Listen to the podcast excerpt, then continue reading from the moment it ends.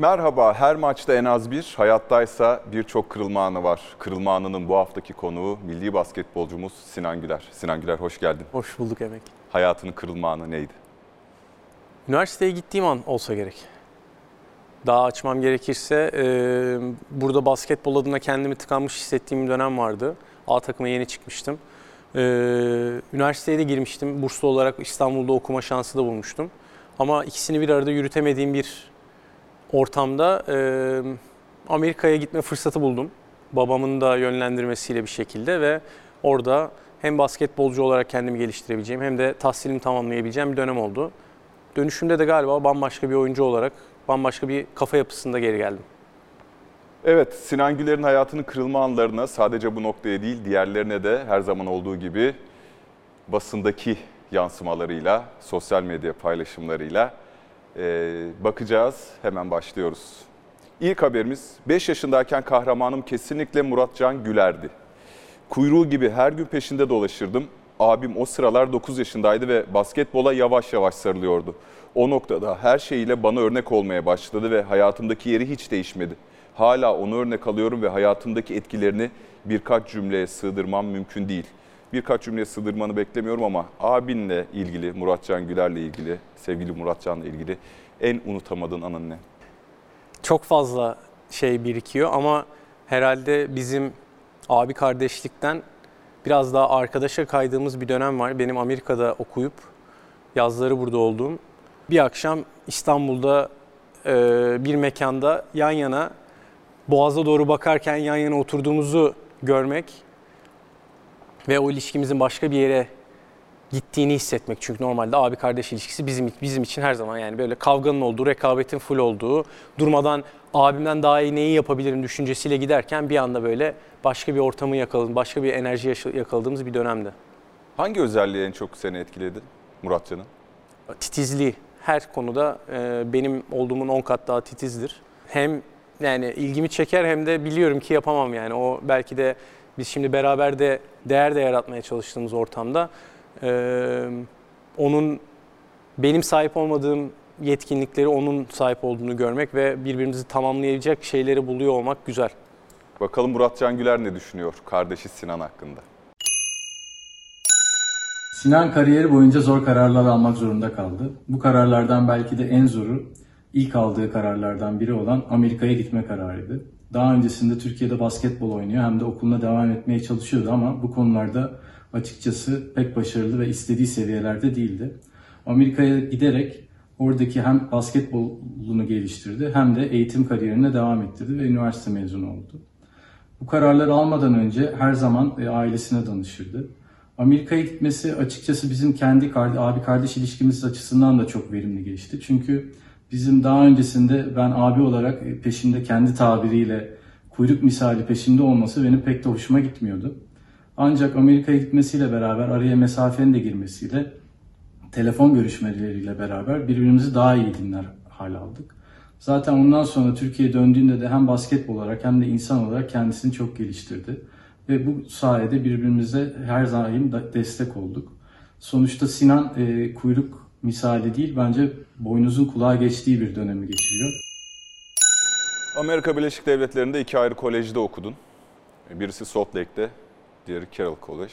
Ve ilk dönemin çok mutlu olmadığını biliyorum. E, neden mutsuz oldun? Bir günü nasıl geçiyordu? yani aslında mutluluğumun genel, genel olarak ana kaynağı basketboldu. Ama e, ilk gittiğim dönemde belirli sınavları almadan gittim ve okuduğum okul da buna müsait bir okuldu. İki senelik ön lisans gibi bir alandı ve o iki senelik okulun içerisinde e, ben önden İngilizce yeterlilik dersleri almak zorundaydım. Bu sırada da e, ana dilim gibi İngilizce konuşabildiğimden dolayı o dersler biraz bana farklı bir ortam yaratıyordu. Şöyle bir şansım oldu esasında. Bunu senelerdir belki hep böyle ufak tefek yerlerde konuştuğum olmuştur ama e, o derslerimin öğretmeni yaklaşık 15-16 sene Türkiye'de yaşamış. Türk bir hanımefendiyle evlenmiş. Oğullarının adı Sinan olan George Ellington adında bir öğretmen de. Ve kendisi benim konuştuğum İngilizce kadar Türkçe konuşuyordu. Onunla çok farklı bir ilişki kurma şansımız oldu o dönem boyunca. Ee, Salt Lake neden zordu diye düşünecek olursak da e, Amerika'nın küçük ama büyük şehirlerinden biri.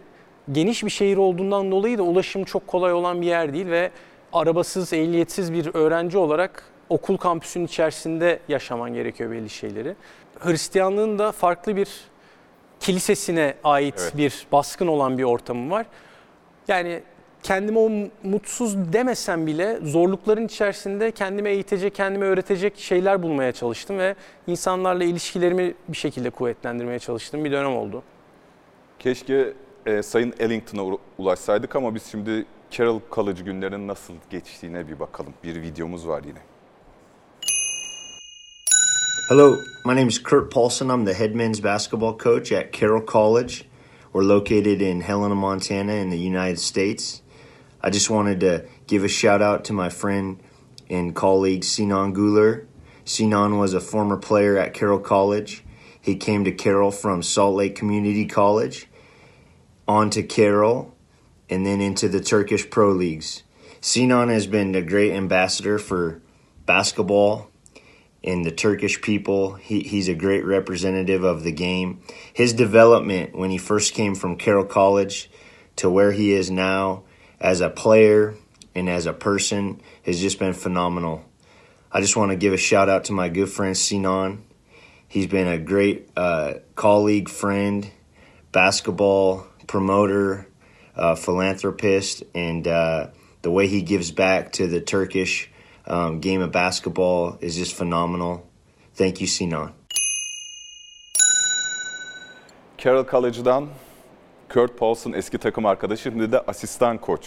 Şu an head coach. Head aslında. coach mu Evet, oldu? Evet yanlış bilgilendirmişim. Şu anda head coach. Şu an head coach. E, Şimdi kolej liginde oynadıktan sonra doğal akışında aslında genelde NBA yani genelde değil ama sen draft edilmedin. Sence neden draft edilmedin? Ee, Ben radarın çok dışındaydım. Okuduğum okulun bölgesi olarak, ligim olarak, NE, yani NAIA Division 1'de o- okudum, oynadım ben. Ee, NCAA liglerinin Division 2'si seviyesinde okulların olduğu bir bölüm ve genellikle özel okulların olduğu bir ortam. Ee, sportif anlamda kendi konferansı ve liginde çok başarılı. Amerikan futbol takımı benim orada olduğum dönemde yani 10 senede 5 tane 6 tane şampiyonlukları var. Biz okul olarak e, basketbol takımında en yüksek başarılara ulaştığımız dönemler oldu. Ama hem okul küçük hem branş sayısı az. Onlarla beraber ben gerçekten radarın çok dışındaydım. Amerika'ya Amerika'da NBA'de kalabilmek adına e, işte çeşitli antrenmanlara davet edilmek, belli scoutların gözüne girebilmek adına benim en büyük benim en büyük şansım ülke şampiyonasıydı. İlk sene yarı finalde, ikinci sene de çeyrek finalde elendik. Belki işte şampiyonluğa ulaşabilsek, finale ulaşabilsek belki birkaç kişinin daha gözüne girebileceğim ortam olabilirdi ama o fırsatı kendime o dönem hiç yakalayamadım. Peki Türkiye'ye dönünce zor oldu mu adaptasyon? O ligden hatta NCAA bile değil bir alt ligi ve Türkiye Ligi çok ayrı iki basketbol evreni.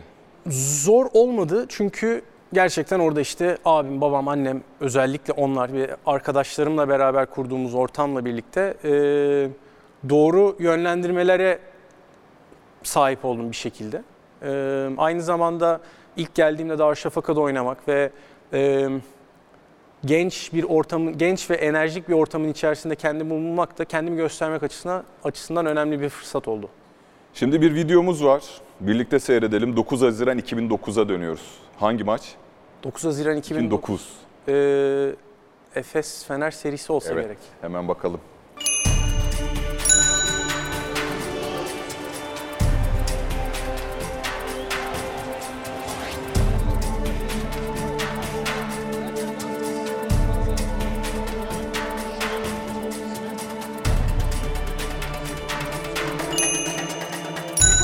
Bu üçüncü maç.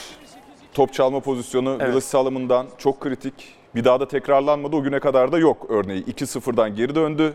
Efes Pilsen 4-2 ile şampiyon oldu. Kariyerin ilk lig- şampiyonluğu ve bu pozisyon. Willis Salomon'dan topu çaldığın pozisyon. Sence seni Türkiye'ye tanıtan maç hangisi? %100 bu olmalı. Çünkü yani bunun sonrasında milli takımlarda bir yer sahibi bulmaya çalışıyorum.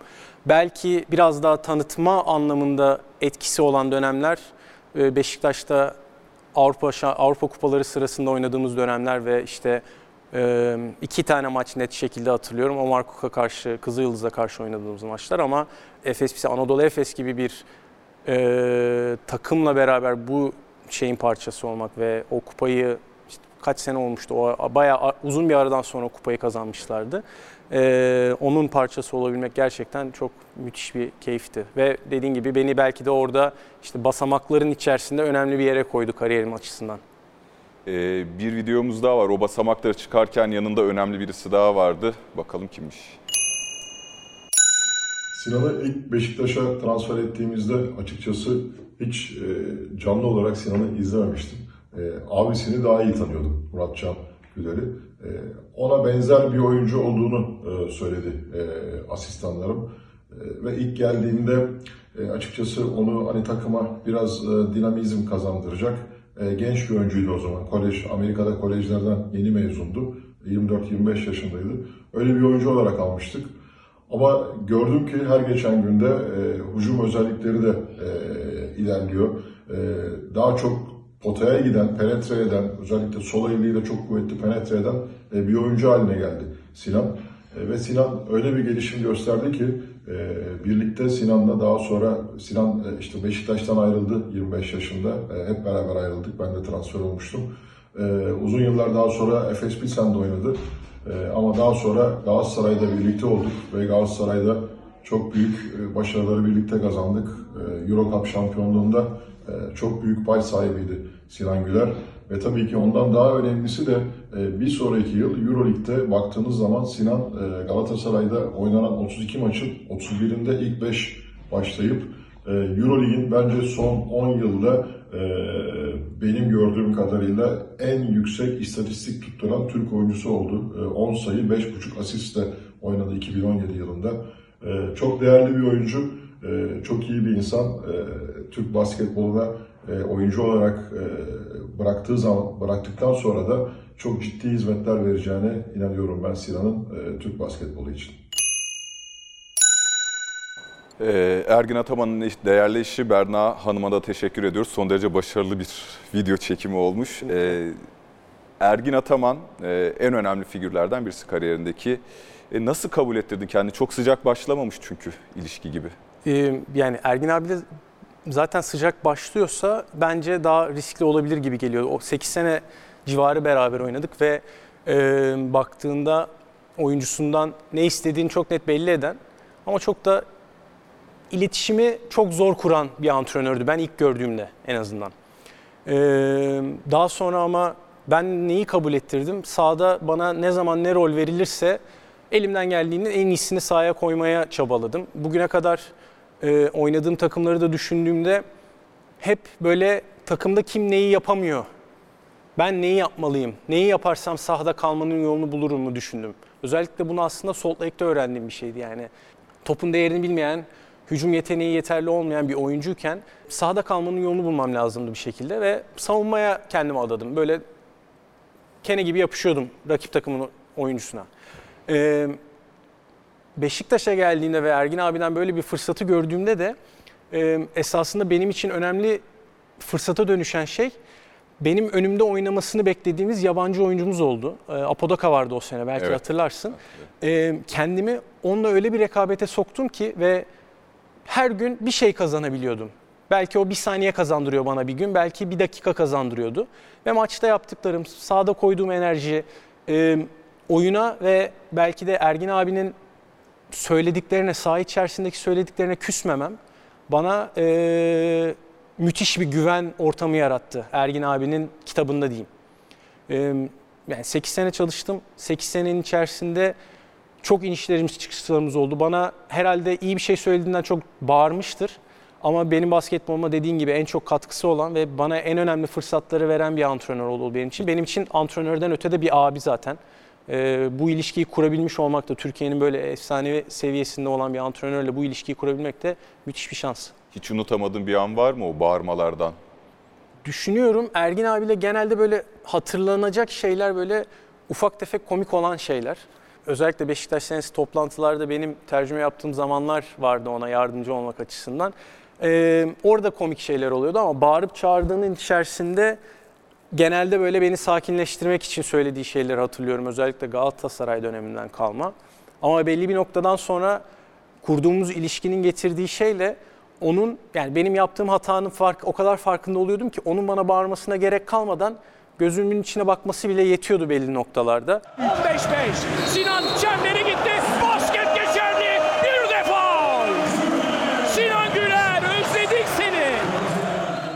Ee, sağ olsun belki de o bana gösterdiği bir toleranstı.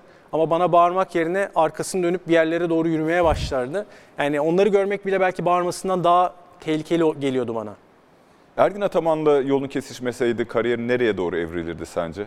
Yani öyle bir paralel evreni düşünmedim hiç ama bir şekilde ben kendime o fırsatı önüme koyacak biriyle e, kesişirdim gibi geliyor. Ergin abinin kesişmesi, Ergin abiyle kesişmem ayrı avantaj sağladı.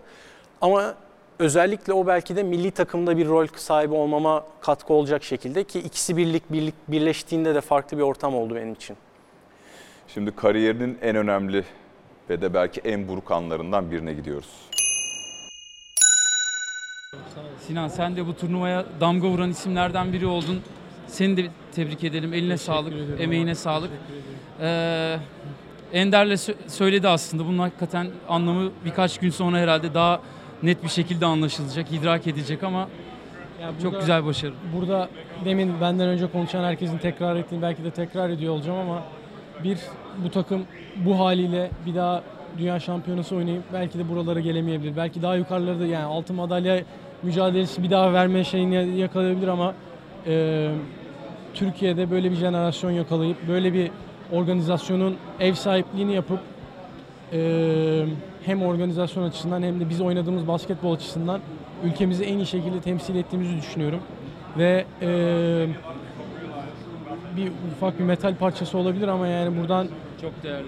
hem Ankara'da bizi destekleyen hem İstanbul'da Türkiye'nin diğer her yerinde televizyon başında destekleyen herkese ne kadar teşekkür az ve e, yani gerçekten çok önemli bir e, başarı yakaladığımızı düşünüyorum. Buradan da e, Çorum'da ters mi duruyor? Pardon. Burada e, şu an kendisi Çorum'da izliyorum bilmiyorum ama abime gerçekten selamlarımı iletmek istiyorum, el sallamak istiyorum. Ve e, Yakında Güler ailesine de yak- bir fert daha yakında katılacak. katılacak olan Selim'e de şimdiden hoş geldin diliyorum. Ve gerçekten çok mutluyum, çok gururluyum bu takım parçası olduğum için. Teşekkür ederim.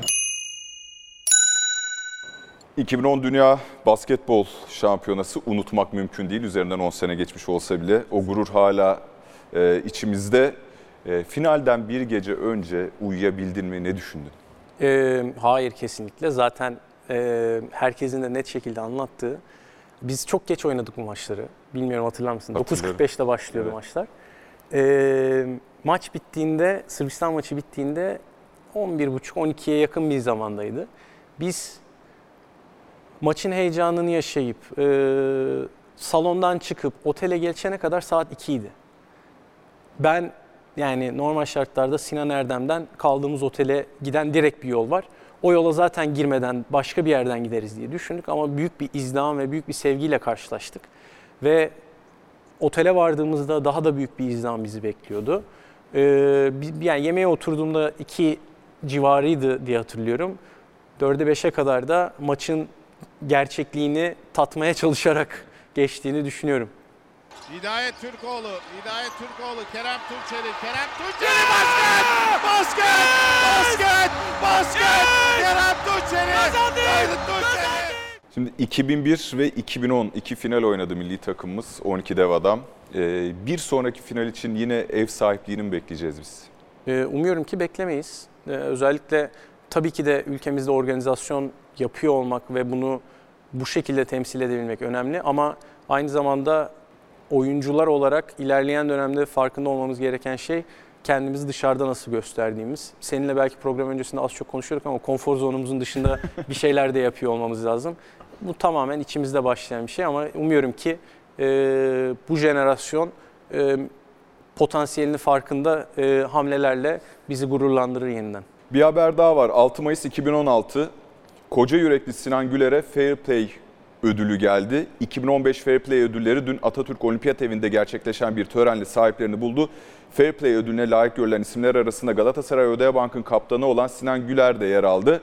Ve bu ödülü e, Sinan'a getiren pozisyona bakalım.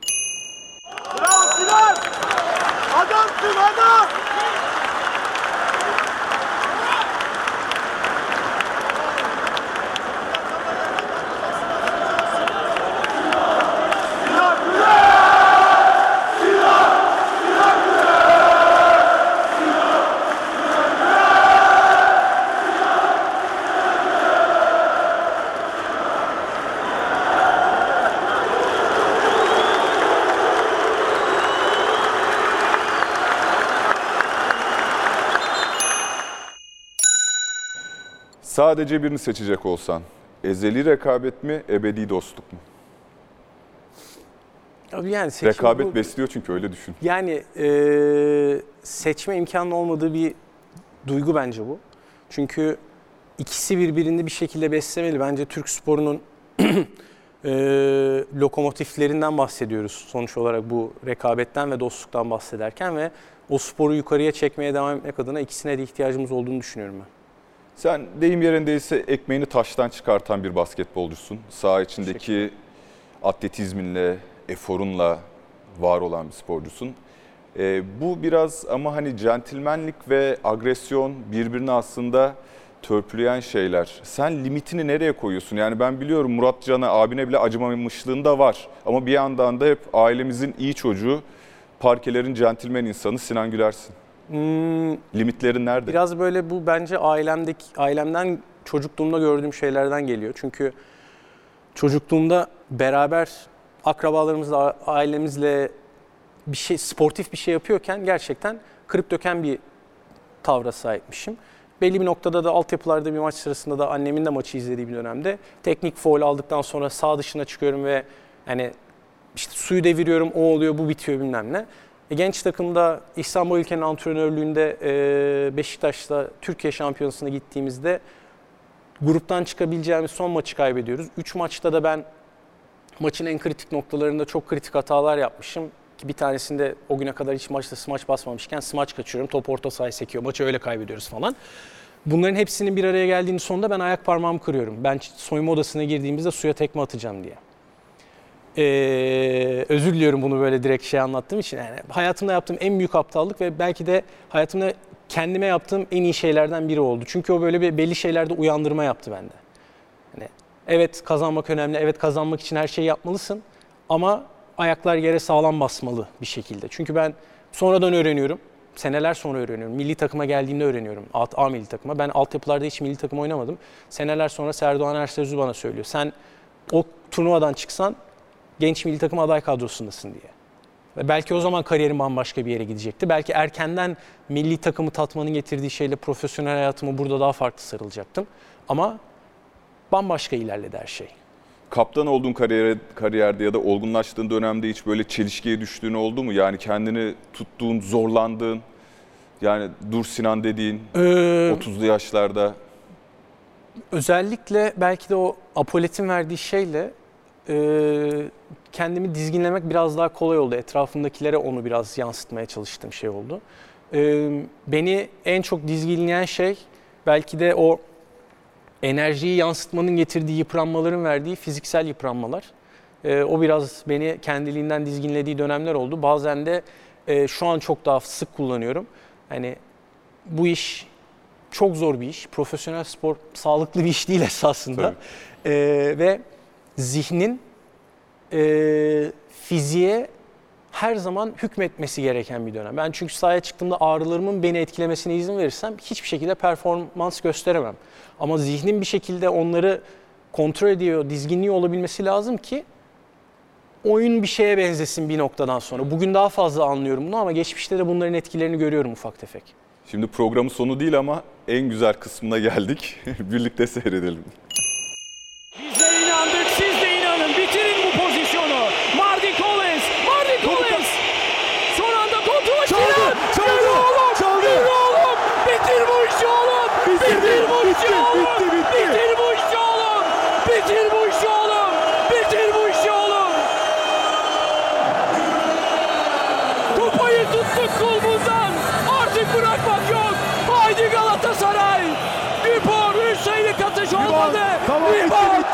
Topa geliyor. Topa geliyor. Topa geliyor. Geldi. Topa geliyor. Topa geliyor. Galatasaray Euro Cup şampiyonu. Ece Harbin. Abdü İpekçi de tek yumruk. Televizyonları başında Türkiye tek yumruk. Ay Yıldız tek yumruk.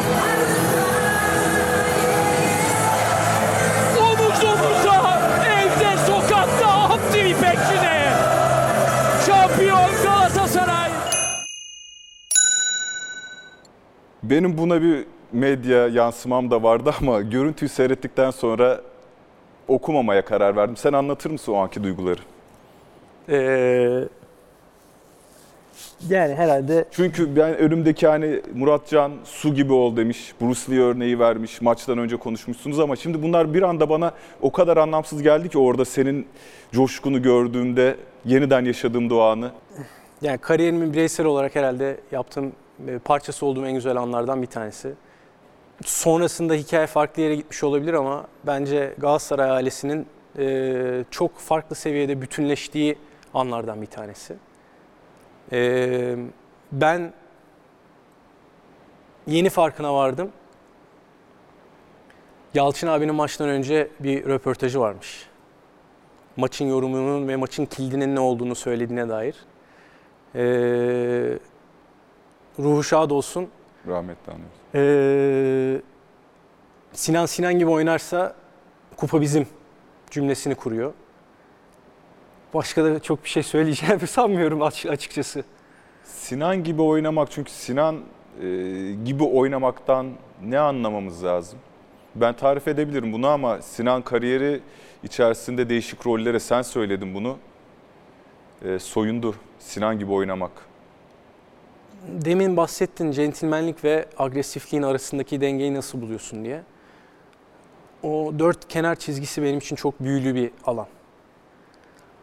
Orada işte odaklanmak mı dersin, e, farkındalık mı dersin, o enerjinin dağılımı mı dersin, ne dersin bilmiyorum ama oradaki bütün dişliler olması gerektiği gibi çalışıyorsa ki bunun belki de belli zamanlarında etkeni benim. Dişliyi ilk döndürecek olan insan benim. Belki de son döndürecek olan insan benim. Oradaki yerim her seferinde değişti. 15 senedir profesyonel oynuyorum. Üniversite zamanını koyarsak 20 seneye yakın çok yani üst seviyelere çıkan bir şekilde bir kariyer şey yaptım. Her seferinde farklı rollere bürünmeyi yakaladım kendime. Bugün yani Efes'te işte Efes'te milli takımlarda savunma için sahaya giren ve enerji göstermesi gereken bir oyuncuyken bugün takım arkadaşlarıma bunun neden daha daha iyi yapabileceklerini anlatabilecek bir abilik şeyine ulaşabildim ve insanlar bana bu konuda güveniyorlar. Ee, o yüzden yani Sinan gibi oynamak her gün farklı bir şeyi a- ifade ediyor. Ama bir de şeyi görüyorum bugün bile.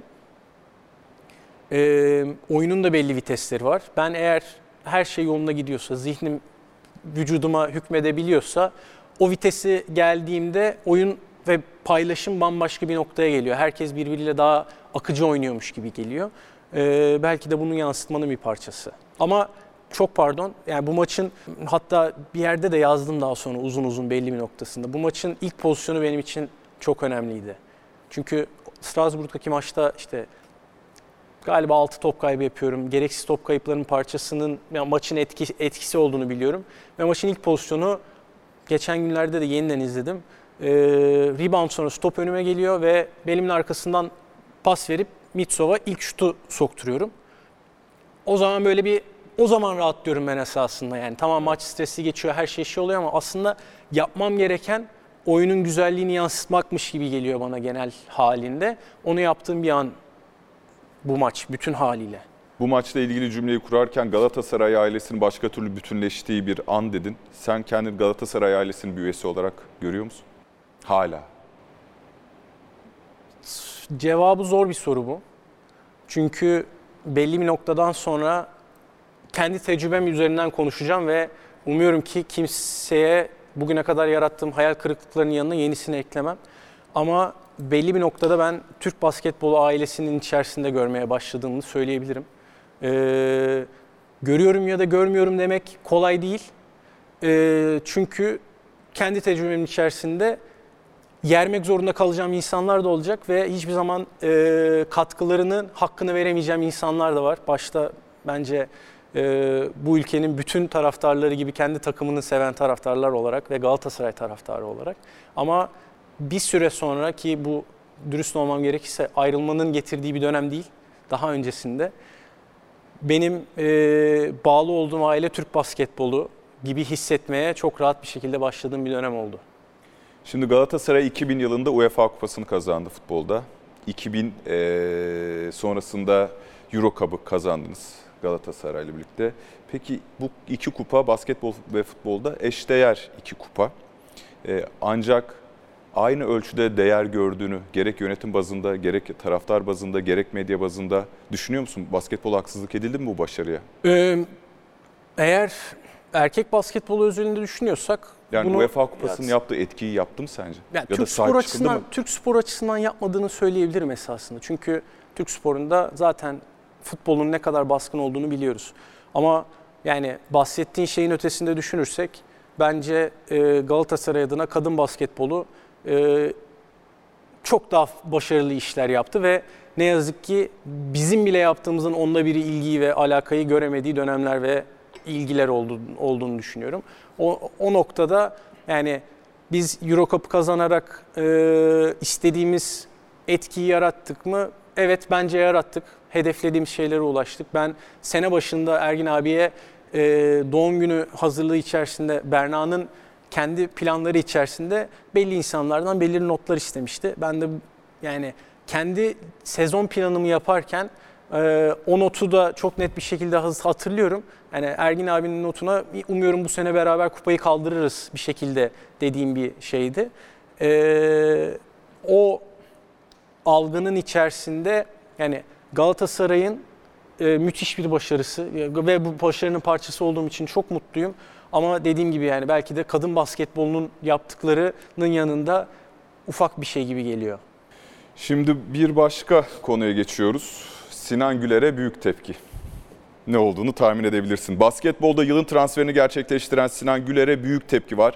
Sarı kırmızılı taraftarlar basketbol takımlarının kaptanlığını yapan ve büyük bağ kurdukları Sinan Güler'in formasını yakarak bu transfere karşı tepkilerini gösterdi. 4 Temmuz 2017 tarihli bir haber. Korktun mu Sinan hiç? Bu transferden sonra. Aşırı bir tepki çünkü forma yakmak. Tedirgin hissettiğin oldu mu? Türk sporunun sosyal medyayla da artık iyice iç içe olduğu bir dönemde aynı zamanda. Ee, korku ve tehdit hissettirecek belki bir ya da iki şey yaşamışımdır ve hepsi yüz yüze olduğum anlar oldu. Ama bugün üzerinden yaklaşık 3 sene geçmiş. Çoğunluğunda karşılaştığım Galatasaray taraftarları hepsinin eee, kinayeli ama aynı zamanda güzel sözlerini dinleyebiliyor olmak bir şekilde söylenilenler ve yapılanların yanında çok daha gerçekçi geliyor haliyle. Kolay değil, net biliyorum süreci. Ama hikayenin içerisinde olanları yani ne yazık ki Ne getirdi ayrılık noktasına seni? Son derece başarılısınız. Euro Cup alınmış 2016 ve takımın kaptanı Sinan Güler ayrılıyor. Ne getirdi? Ergin abinin ayrılması. Peki şöyle sorayım. Neden ayrıldı Ergin Ataman? Ya da genel olarak o anki atmosfer, o, o anki şartlar kulüpteki. Ergin abinin zaten burada da programda da gördün genel, genel şeyle e, her zaman en yukarıya hedefleyen ve o hedefleri kendi koyan ve o hedefin arkasında e, yürüyen biri. O hedefleri koyamayacağı ortamlar hazırlanmaya e, niyetlendi diyebilirim en fazla. E, ve dediğim gibi Ergin abiyle ben 8 sene çalıştım. E, Milli takımlarda da beraber oynadık ve o hikayenin içerisinde oyuncu antrenör ilişkisinin bambaşka bir noktasına geldiğimiz dönemler oldu. Ee, o hedeflerin konulmamasının yanında Ergin abiyle kurulan diyaloglara benzer bir ortamla karşılaştığımı söyleyebilirim. Peki şu sana garip gelmiyor açıkçası bana garip geliyor. Galatasaray Spor Kulübü Lisesi ile beraber 1911 yılında basketbolu Türkiye'ye getirmiş kulüp. Ancak her kriz anında, her ekonomik darboğazda kapanan Galatasaray Basketbol Şubesi'nin muslukları oluyor. Ya da onun sponsorunun paraları futbol şubesine aktarılıyor. Bu sana biraz garip gelmiyor mu? Ee, Doğru buluyor musun gözden çıkartılmasını basketbol şubesinin? Ergin abinin deminki videoda bana e, mesajında aldığım bir şey var ki senelerdir bunu farklı ortamlarda konuşuruz. Kendi yapmaya çalıştığım şeylerde de olur. Bir kere de Ergin abiyle beraber sanırsam milli takım antrenmanları sırasında Aydın abiyle kısa bir karşılaşmamız ve kısa bir diyalogumuz vardı. Üçümüzün bir şey konuştuğu. Genel olarak Türk sporunun içerisinde sürdürülebilirden sürdürülebilirlikten uzak bir planlama içerisindeyiz her gün bugünü ve bugünkü sonucu hedefleyen ve ileriye dönük e, hedeflerin biraz böyle vaat gibi kaldığı diyeceğim. Bu nasıl değişir? Köklü değişikliklere ihtiyacı var diye düşünüyorum. Türkiye'deki anlayışın da, eğitimin de, spora yaklaşımın da. E, bunları yapabilecek veya yapmayı hedefleyecek insanlardan biri olma niyetim sporu bıraktıktan sonra. Çünkü e, her gün potansiyelimizden bahseden ama potansiyelimizi nasıl kullanacağımızın farkında olmayan bir ülke noktasındayız gibi geliyor. Sadece sporda değil, genel anlamda. Ee, umuyorum ki spora bir katkı verebildiysem oyuncu olarak onun e, daha fazlasını formayı çıkardığımda verebilirim. Basketbolcu olarak üvey evlat gibi kulüp içerisinde bu sadece Galatasaray örneğini vermiyorum. Büyük kulüplerin hepsinde forma giydin, üç büyük kulüpte de. Üvey evlat gibi hissettiğin oldu mu? Yani çünkü çok önemli galibiyet diğer tarafta iç sahada futbol takımı mağlup olmuş mesela. Onun için kulüpte çok ciddi bir kara bulut Ee, durumu var üstünde. Yani Türk sporunun gerçeği. Bunu özellikle yabancılarla paylaşıp doğru şekilde anlatmak gerekiyor. Onu o enerjiyi değiştirecek şeyler nedir ya da bazı bazı noktalarda o enerjiyi hiçbir şekilde değiştiremiyorsun. Ee, bunu görebilmek ve bunu paylaşabilmek önemli. Ben kendi karşılaştığım hikayede e, en çok önem verdiğim şey iletişim ve nasıl konuşulduğu ve nasıl e, o üvey evlat hissini yansıtılmaması ihtiyacı. Tabii ki de bunlar olacak. Tabii ki de Evet. futbolun başarısı finansal olarak da geri getirileri olan ve enerjiyi de geri get- peşinde getirecek bir şey. Ama bu farklı yönetilebilir gibi geliyor her türlü haliyle bana. Şimdi son medya paylaşımı. Milli takımda oynayan çok yetenekli sporcular var. Ben de 10 sene oynadığım süre içerisinde fiziksel olarak gerilememi de gördüğümde katkıdan daha çok zarar verebileceğimi hissine kapıldım. Özellikle 2017 Avrupa Şampiyonası sırasında 14 Nisan 2020 yeni yapılmış bir röportaj Irmak Kazuk'la kapalı devre programında. Ee, son dönemde milli takımımız beklentileri karşılayamıyor. Sen milli takım kapısını kapattın ama o kapıyı tekrar açar mısın? Sana ihtiyaç var gibi de gözüküyor. Hmm, çok güzel bir soru. Ee, bu noktasında yani şu anki çabam e, belki de genç arkadaşlarımızın kendi potansiyellerini ve e, gösterebilecekleri enerjiyi fark etmelerini sağlayacak şekilde geçirmek olur. Milli takım e, kapısını kapamak şöyle e, birlikte gelişen bir şey oldu diyebilirim. Yani ben evet bugün atıyorum e, milli takım ortamında çağrılırsam çok ciddi düşüncelere otururum ama aynı zamanda da e, artık başka insanların kendi enerjisini ve fırsatını gösterme gerektiğini de inanırım. İnanıyorum çünkü buna. Tam net cevabını veremeyeceğim bir soru oldu bu şu anda yani bilmiyorum. Kariyerinin sonuna doğru gel sonuna doğru geldin. İçinde kalan bir şey var mı? Yok. Ne mutlu sana. Şimdi sosyal medyaya geçiyoruz. Sosyal medya paylaşımları. Amatör ruhla oynuyor sanki. Böyle seçmelerde insan kendini kanıtlamaya, beğendirmeye çalışır ya öyle işte. Ve topu aldığında kesin iyi bir şey yapacakmış hissi uyandırıyor bende. Attığında da sokuyor daha ne yapsın be. 31 Ağustos 2010. Şimdi kolej liginde 20'li yaşlarda sahaya çıkan Sinan Güler'le 30'lu yaşlarda kariyerinin ortalarına sonuna gelmiş, olgunluk dönemine gelmiş Sinan Güler'in sahaya ve parkeye bakış açısı, oyuna bakış açısı nasıl değişti? Kendimle şöyle dalga geçiyorum bu dönemde. Ee, yani hızlı bir oyuncuydum, atletik bir oyuncuydum ve bunların içerisinde işte kendimi böyle 80'lerin 70'lerin bir spor arabası gibi görebiliriz. Yani kendi çalışması gereken vakitte gerçekten fark yaratan ve heyecan yaratan bir enerjisi var. Onu görüyorsun. Şu anda böyle ara ara o örnekleri gösteriyor. Belli bir şeyler yapıyor. Hatta işte birkaç hafta önce bir tane e, bir maçta rebound sonrası tam sağ böyle gidip turnike attığım bir pozisyon var. Hani artık o böyle kuyruklu yıldızın dünyamızın etrafında dolaşması gibiymiş geliyor bir tarafından. Ama aynı zamanda yani sahayı o zaman daha böyle flu görüp hızımla bir şeyler yapmaya çalışıyordum. Şu an sahayı çok daha net ve e, temiz görmem gerekiyor. Sadece kendim için değil, etrafımdaki takım arkadaşlarım için de iyi şeyler yapabilmek adına. 5 Eylül 2010 Ekşi Sözlüğe göre müzmin yedek, meşhur Ek- Ekşi Sözlük, bana göre Joker. Sen şimdi kendini nereye konumlandırıyorsun? Hidayetlerin, Mehmet Okurların yanına mı? İbrahim Kutlay, Harun Erdanay, Orhun Ene mi? Yoksa ben onların hemen biraz altına koyabilmek böyle bir şeydir gibi geliyor. Hani onların yanına kendimi o- oturmaya çalışırsam bana yer verirlerse ne mutlu bana. Ama onlar bence Türk basketbolunun olimposunda işte eee, babamlarla beraber oturuyorlar gibi geliyor. Babam Erman abiler ve eee, o ekiple. Eee, ben onların yanında bir yerde biraz daha altında olabilirim. Bununla da gayet mutluyum. o kadar çok çalışmıştır, o kadar iyi bir basketbolcu olmuştur ki artık o Necati Güler'in oğlu değil, Necati Güler onun babasıdır. Bu paylaşım 8 Eylül yine 2010. Tabii Avrupa, e, Dünya Basketbol Dünya Şampiyonası bayağı bir yükselmiş hype'ın diyelim moda Evet. tabiriyle.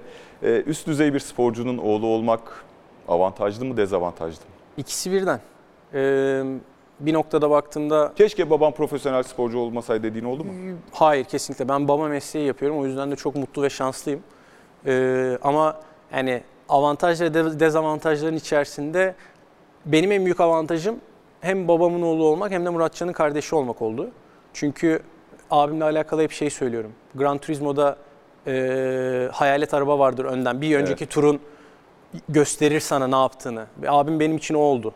Ee, kariyerimde atılabilecek adımlarla. Babamın kariyerini biliyor olmak ve babamın basketbol için yaptıklarını bilmek çok önemli ama neredeyse amatör olan bir dönemde bu Evet. işi yaptı. Abim profesyonel olarak yaptıklarının yanında ben onun yaptıklarından kendi derslerimi çıkarabilecek imkanları gördüm bir şekilde. Ha ne oldu? Evet Necati'nin oğlu olarak ben büyüdüm belli bir noktaya kadar. Ama ilk soruna geleceğim. Kırılma anı neden önemliydi benim için? Çünkü Amerika'ya gittim, uçaktan indim. Babamla beraber gittik hatta. Babam Evet. benimle bir gece kalıp ondan sonra Indiana, Indianapolis'teki Dünya Şampiyonası'na gitmişti. Ee, ilk antrenmana çıktığımda değil Sinan Güler kim? Kimse tanımıyor. Necati Güler de kimse tanımıyor. Muratcan Güler'i de kimse tanımıyor. Dünyanın öbür ucunda çünkü herkes. Bizim hikayemiz öbür ucunda. Ben orada gerçekten böyle belki de kendimi böyle bir madene sokup orada Sinan Güler kim? Onu aramaya, kazmaya çalıştığım bir dönem oldu. Bu arada değerli anneniz Nilgün Hanım'ı da analım burada. O da önemli bir sporcu. Ona da sevgilerimizi yollayalım. Kesinlikle teşekkürler. 19 Aralık 2012'ye geçtik. Cenk Akyol'la birlikte dünyanın sonunu getirebilecek yeteneksizliğe sahip, basketboldan para kazanması evrenin bize sunduğu en büyük şaka olan beyaz adam. Dünyanın sonunu getirebilecek yeteneksizlikteki genç arkadaşlara dünya ikincisi, Euro Cup şampiyonu, Türkiye Ligi şampiyonu olmak için neler, neler önerirsin? Hayal kurmak birincisi. Ee, ben muhtemelen benim yaşımda basketbol oynamış herkes gibi Michael Jordan olmak için bir sürü şeyi yaptığım bir dönem oldu. Ee, ona çaba gösterirken çalışkanlığı ve disiplini öğreniyorsun bir şekilde. Ee, ondan sonra da o hayatın getirdiği düzenin içerisine girdiğinde takım arkadaşı olmayı ve takım için kendini öne koymayı öğreniyorsun. Ee, o harmanın içerisinde doğru şeyleri de yaparsan belli başarılara ulaşacak eee, şansa ve fırsata sahip oluyorsun diye düşünüyorum. Bu adam nasıl oldu da 30 yaşından sonra şut atmayı öğrendi ve yıldız oldu? Bir Işıl Al ben, bir bu adam. Çözemiyorum, samimi söylüyorum. Ne yaptılar, ne yedi- yedirdilerse bilimsel araştırma yapmak falan lazım demiş Ee, bir kullanıcı. 28 Ekim 2015'te Ee, basketbolda 30 yaşından sonra iyi şut atmayı öğrendin. Hayattan öğrendin. Hayatta eee, basketbol dışında bir sürü şeyler yapabileceğimi, farklı şekillerde katkılar ve değerler yaratabileceğimi ve aynı zamanda nasıl di- di- diyebilirim? Belli bir noktalarda bu aslında biraz da böyle felsefeyle de tanıştığım bir döneme denk geliyor. O yüzden hani başıma gelen şeyler, engeller, başarılar, e, fırsatlar hepsi aslında her insanın farklı şekillerde bir şekilde yaşayabileceği anlar olabiliyor. Ee, ve yani muhtemelen insanlık tarihi boyunca da bu olmuş bir şey. Evet. Bunu biraz farkına varıp ona göre dünyaya bakmaya çalıştım. Bu arada e, mesaj üzerinden de buradan Işıl Kaptan'a selamlar ve geçmiş olsun dileklerimizi iletiriz. Ee, çok Ee, iki kere kalktı aynı durumdan. Üçüncü kere de ayağa Kesinlikle. kalkacaktır Işıl, Işıl Kaptan. Ee, heyecanla biz da sakatlık- bekliyoruz sahaya dönüşünü ve umuyorum ki en sağlıklı ve iyi şekilde dönersin. Evet, sevgilerimizi gönderiyoruz. Ee, kalkacaktır ayağa. Obradovic'in azarladığı Sinan 10 kaplan gücündedir. 3 Temmuz 2017. Obradovic'den duyduğun en sert söz neydi? Aa, muhtemelen Sırpçada ka- kaybolmuş şeyler olabilir işin içerisinde. Ama bir noktada bana basketbolu yeteri kadar sevmediğimi söylemişti. Bir tarafından bakıyorum Obradoviç de farklı bir öğretmen. Ee, belli noktalarda benim yüzümden çoğunlukla alabileceğim fırsatları önüme konmadığımı hissettiğim bir sürecin parçası. Ama aynı zamanda basketbol adına da e, çok şey öğrendiğim bir dönem. O söylediği şeylerin çoğunu da e, söylediği anda söylediğini düşünüp alınırsam bana zarar olduğunu biliyorum. Ama en azından dışarıdan baktığımda da bana işte benim bir kontağımı açmaya çalıştığını da görüp şey yaptım. Ee, dediğim gibi yani çok farklı bir öğretmen ve hep şey söylüyorum yani işte 18-19 yaşında ee, onunla oynamak bambaşka bir fırsat, bambaşka ortamları getirebilirmiş. Ha benim şansım bir tarafından gene böyle gençliğime ve geçmişe döndüğümde farklı şekillerde işte Ergin abiyle büyümenin getirdiği şeyler ri bugün gençlere anlatmaya çalıştığımda o tarz bir antrenör, Ergin abi gibi bir antrenörü ee, çok farklı bakıyorlar. Çünkü fırsatların şeyinde değiller, farkında değiller. Bu antrenörler e, kendi keyiflerine manyak manyak bağırmıyorlar insanlara. Mükemmeli istiyorlar kendi oyuncularından. Kendileri mükemmeli yaratmanın yolunu öyle görüyorlar. Ve de onu yönlendirirken de bir şeyleri söylemeleri gerekiyor uyandırmak için. Ee, peki e, neden 10 kaplan gücüne çıkamadın? Yani fırça yemene rağmen Fenerbahçe'de neden 10 kaplan gücüne çıkamadın? Ya da bildiğimiz Kendime- Sinan Güler. kendime biçtiğim rol de biraz daha farklı orada orada. Yani bir, bir tarafından baktığında e, belki de neredeyse ilk defa demeyeyim çünkü ben işte Galatasaray'a da transfer olduğumda lig şampiyonu olmuşlardı. Ertesi sene katılmıştım. Ama benim Galatasaray'da kendi rolümü benimsediğim ve biçmeye başladığım dönem işte biraz sezon ortasına biraz da bir sonraki senelere ve takımdaki eksikliklerle beraber ortaya çıkan fırsatlara geldi. Oturmuş bir takıma, oturmuş bir kültüre ufak değişikliklerin parçası olarak dahil olduğum bir dönemdi. Ve o kültürün içerisinde kapılmış roller vardı. İnsanların kolay kolay bırakmadığı veya bırakılmadığı diyebileceğim. Şahsen bakarsam ben çaba gösterdiğimi düşünüyorum ama demek ki gösterdiğim çaba yeterli değilmiş oradaki e, kendime alan açacak şeylerde. Fenerbahçe'ye transfer olduğun için pişman mısın? Hayır. Açma, açayım mı devamına? Açmak ister misin? Yok yani şey değil. Çünkü yani pişmanlık e, demin de sordun ya böyle keşke olsaydı yani Evet. böyle yapmadığım bir şey var mı ya da boşluk olan bir şey var mı diye. Yani o boşluklardan bir tanesi EuroLeague şampiyonluğu olabilirdi ve EuroLeague şampiyonluğunu hedefleyen bir ortamda bulunmak benim için önemliydi. E, geçmişe dönüp baktığımda çok güzel arkadaşlıklar edindim oyuncularla ve teknik ekiple ve idari ekiple. Ee, basketbolu Avrupa'da öğrenebileceğim 3-5 değerli insandan birinden her gün bambaşka bir basketbol algısı, sevgisi ve ortamı görme fırsatı yakaladım. Ee, tek söyleyebileceğim dediğim gibi belli kırabileceğim zincirler vardı. O zincirleri ya ben kırmak için yeterli çaba gösteremedim ya da e, gösterdiğim zamanlarda da çok doğru zamanlar değildi. Şimdi fotoğraflara geçiyoruz. Sinan Güler seçti fotoğraflarını. Araya ben birkaç tane şahsi ekleme de yaptım. İzine sığınarak hemen bakalım. İşte bu ilk fotoğrafımız ve bir fotoğraf daha var çocukluk döneminden. Bu ayakkabı kimin ayakkabısı? Tamer Oyguç. Öyle mi? Evet. Tamer abinin ayakkabısı. Fast Break dergisi için yapılmıştı bu çekim. Hatta yanlış hatırlamıyorsam böyle yani ikinci sayfada falan bu fotoğraf böyle şeydi e, direkt. E, Bir kere zaten bu benim ayakkabıyı bir tarafa koyarsak İTÜ'de babamın ve abimin oynadığı dönemlerden kostümüm. E, maskot olarak dolaştığım ve her oradan oraya koşturduğum haliyle. Geçtiğimiz haftalarda e, Irmak Caner ve abimle birlikte Gümüşsuyu Salonu'na yeniden gitme fırsatı bulduk. Sağ olsunlar bize parkeler yenilenmiş ve e, eski parkelerden bir hatıra verdiler.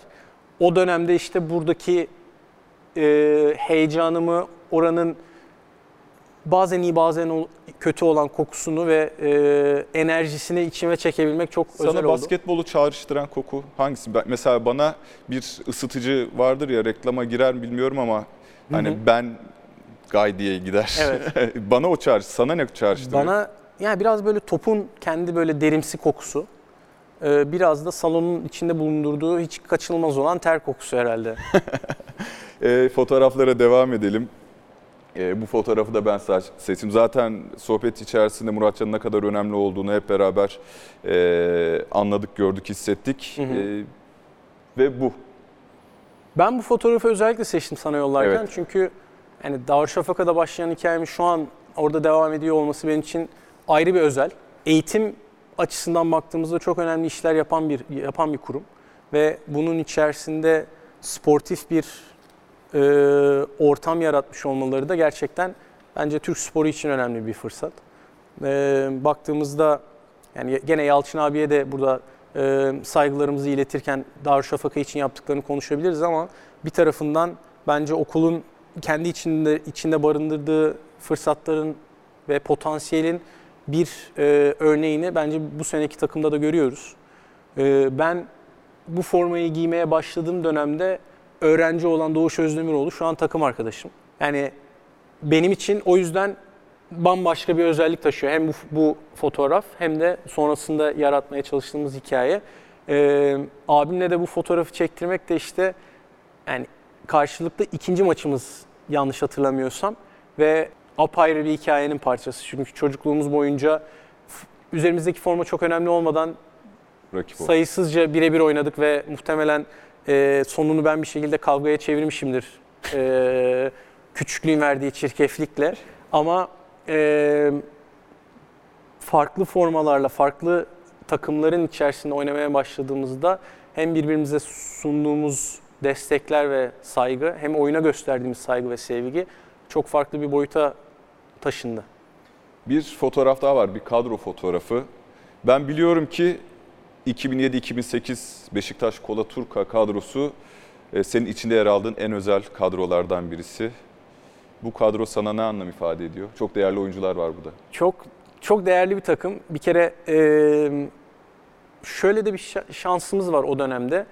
Türk oyuncu kuralı vardı. Sahada iki tane Türk olmak zorundaydı. Benim de en büyük fırsatlarımdan biri de oydu esasında o dönemin şeyin içerisinde. Ama özellikle e, Türk oyunculara baktığımda kurduğumuz sinerji ve birbirimizi destekleme ortamımız bugünkü arkadaşlıklarımıza bile yansıdı ilerleyen dönemde. E İşte ben bugün Erkan'la aynı takımdayım ama bu takımdaki e, diğer oyuncuların hepsiyle neredeyse günlük hayatta konuşmaya devam ediyoruz bir şekilde. Ve Avrupa sahnesinde çok e, beklemediğimiz bir şekilde Galatasaray'a Cüneyt Erdin'in son basketiyle kaybetmiştik ve çok Torino'da. çok önemli hedeflerle ilerlemiştik ama çok güzel ve keyifli bir seneydi. Son fotoğraf en güzel fotoğraf bence. E, eşiniz Ekin Hanım, Evet. kızınız Yasemin Hanım ve siz ve e, ailenizin diğer üyesi Luna. E, Evet. kızınız Yasemin'in sporcu olmasını ister misiniz? Türkiye'de kadın sporcuların yaşadığı zorlukları da göz önüne alarak. Aha, Yani öncelikle probleme genel açıdan bakarsak sadece Türkiye'de değil, e, kadın sporcuların yaşadığı çok ciddi seviyede eşitsizlikler var. Aslında e, spor ve eğlence dünyasında çok ciddi eşitsizlikler var. Kadınların e, karşılaşmak zorunda kaldığı. Benim gibi inatçıysa istediği her şeyde başarılı olacaktır. Onu net şekilde görüyorum. Hareketli ve yerinde durmuyor. O yüzden de eminim ki e, belli bir şekilde sporla tanıştırmak zorunda kalacağız. O enerjiyi bir şekilde e, tüketebilmek açısından. Annem beni abim basketbola ilk İTÜ'de ba- gitmeye başladığında 7 yaşında falandı. 4 yaşında gerçekten popoma tekmeyi vurmuştu. Sen de abinle git ne yapıyorsan yap orada bana bulaşma gibisinden. Beni basketbola e, sevdiren ve sahayı sihirli hale getiren şeylerden bir tanesi de o aslında. Çünkü abiler antrenman yapıyorken ve belli komutlarla bir şeyler yapmaya çalışıyorlarken o sırada bütün salonlar benim de ben istediğimi yapıyor gibi bir ortamdaydım. O yani umuyorum ki aynı fırsatları kendi Yasemin de bulur. Ee, şu anda onun yapabileceklerini düşünmenin yanında aynı zamanda onunla hayatı öğrendiğim bir dönem. Çok da farklı öğretileri oluyor. Bunun tadını da çıkarmaya çalışıyorum bir noktada. Şimdi cümle tamlamaya geldik. Ee, Sinan Güler'e kısa kısa sorular soracağım. Keşke yapmasaydım. Gerçekten yok ya. Yani Söylemesin, bilmiyorum. keşke söylemeseydin. Aa, keşke söylemeseydim. Ee, daha doğru söyleyebileceğim haliyle e, Galatasaray'da oynarken bir de Fenerbahçe deplasmanında ayak bileğim burkuluyor. Fenerbahçe taraftarı benim ayağa kalkıp tekrardan oyuna girme sürecimde beni destekliyor. Ama aynı maç içerisinde de farklı şekillerde yaklaştıkları hikayeler var. Bazen o, o, o tarz dönemlerde ben böyle anı ve konuyu odaklanarak cevapladığım şeyler oluyor. Beni benim sağlığımı düşünen taraftarın aynı zamanda işte antrenörümüze ve yaptıklarını e, takım arkadaşlarıma yaptıklarını düşünmeden bir, bir iki şey söylemiş ol- oldum. O o tarz şeyler bazen böyle kafamda hala yer, yer edebiliyor. Ama bu sevgi herkese nasip olacak bir şey değil sanki. Yani bir Fenerbahçe taraftarının Galatasaray kaptanının sağlığını gözetmesi ya da bir Galatasaray taraftarının Fenerbahçe kaptanının sağlığını gözetmesi çok sık rastladığımız bir şey değil. Bir sanki bir onur gibi hissediyorum onu. Beni onurlandıran bir şey ama aynı zamanda bir tarafından baktığında soyunma odasına girdiğimizdeki takım arkadaşıma da e, bunu bir şekilde paylaşıyor ve anlatabiliyor olmam lazım. Aynı karakterlerde olmak veya olmamak değil. Orada temsil ettiğim şey evet Türk basketbolu, Türk sporu belli bir noktada ama aynı zamanda takımı da temsil, temsil ettiğim noktalarda ben çıkıp şey diyemem ya niye öyle yapıyorsunuz işte harala gürele yapacak bir durumda değilim ama aynı zamanda onun farklı bir adapla yaklaşılabilecek bir ortamı olduğunu düşünüyorum. En çok ne güldürür seni? Ee, bugünlerde kızım çok fazlasıyla güldürüyor kesinlikle. Kim sinirlendiriyor ya da ne sinirlendiriyor? Kendi kendime sinirleniyorum genelde. Ee, en büyük pişmanlığı? Yok. Euro Cup'ı kazandığınız geceye mi yoksa Sırbistan'ı yendiğiniz geceye mi dönmek istersin? Ee, Sırbistan'ı yendiğimiz gece e, dönüp otele Amerika maçını düşünmek zorunda kalmıştık. Çok heyecanlı olmasıyla beraber ama Euro Cup kazandığımız gece e, keyifliydi. Abdi İpekçi mi Sinan Erdem mi? Abdi İpekçi. Euroleague finali maç berabere sonucum sizde. Topu karşı sahaya kim getirsin? Carlos Arroyo mu? Kerem Tunçeri mi? Arroyo Porto Rico'da düşün. Kerem İstanbul'da yaşıyor. kim getirsin topu? Yani şöyle bir şekilde çevirebilir miyim? İstediğin Ben, gibi. ben, ben topu getireyim ve yani bir şekilde ikisini de bulmanın yolunu bulurum. Takımda hangisi varsa, ikisi birden varsa ve sahada kim varsa o sırada muhtemelen bir şekilde Kerem abiye topu ulaştırmanın yolunu bulurum ama yani topu getiren ben olurum. Ee, oradaki pozisyonu o şekilde takip ederiz gibi geliyor. Son topu ben İsim kullanmam ama yani. Ee, korkma Ergin Ataman mı Obradoviç mi diye sormayacağım ama Ergin Ataman mı Obradoviç mi? Benim için Ergin abinin yeri bambaşka. Ee, o yüzden bu- bu soruda şey değil. Obradoviç'ten öğrendiklerim bana apayrı bir desteği ve katkısı oldu ama Ergin abi benim için abi. En sevdiğin kelime? Sakin demeyi çok seviyorum herhalde bir şey. Bilmiyorum şu anda Nefret ettiğin kelime? yapamam veya hayır veya o tarz bir şey olsa gerek. En önemli kusurun sence? Önemli kusurum. Yani çok baskınlamaya çalıştığım bir sinir yapımı olduğunu düşünüyorum. O baskınlama diyeyim. Bazen onu böyle açabilmek gerekiyor gibi geliyor. Kahramanın kim? Abim. En son ne zaman ve neden ağladın? Az önce Yalçın abi hakkında konuşurken ağladım. Yalçın Granit'i basketbol duayeni Yalçın Granit'e bu programla birlikte anmış olduk. Sinan Güler teşekkürler. Kırılma anının sonuna geldik. Gelecek hafta görüşmek üzere. Hoşçakalın.